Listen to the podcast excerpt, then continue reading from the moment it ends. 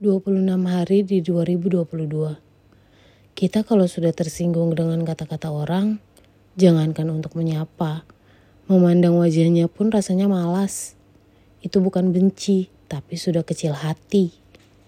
Jika kita dinilai baik, ya syukur. Dinilai tidak baik pun tidak apa-apa. Itu terserah mereka. Semua yang hadir dalam hidup kita memiliki peranan masing-masing. Entah mereka memberi kita kebahagiaan atau memberi kepedihan. Memaksa diri agar disukai semua orang itu sangatlah melelahkan. Maka jadilah diri sendiri. Walaupun tidak banyak yang menyukai, hingga kita menemukan yang menyukai kita kini dan nanti tanpa tapi. Jauhi orang yang membuat kita kecewa. Menjauhlah dari pertengkaran yang tidak memberi solusi.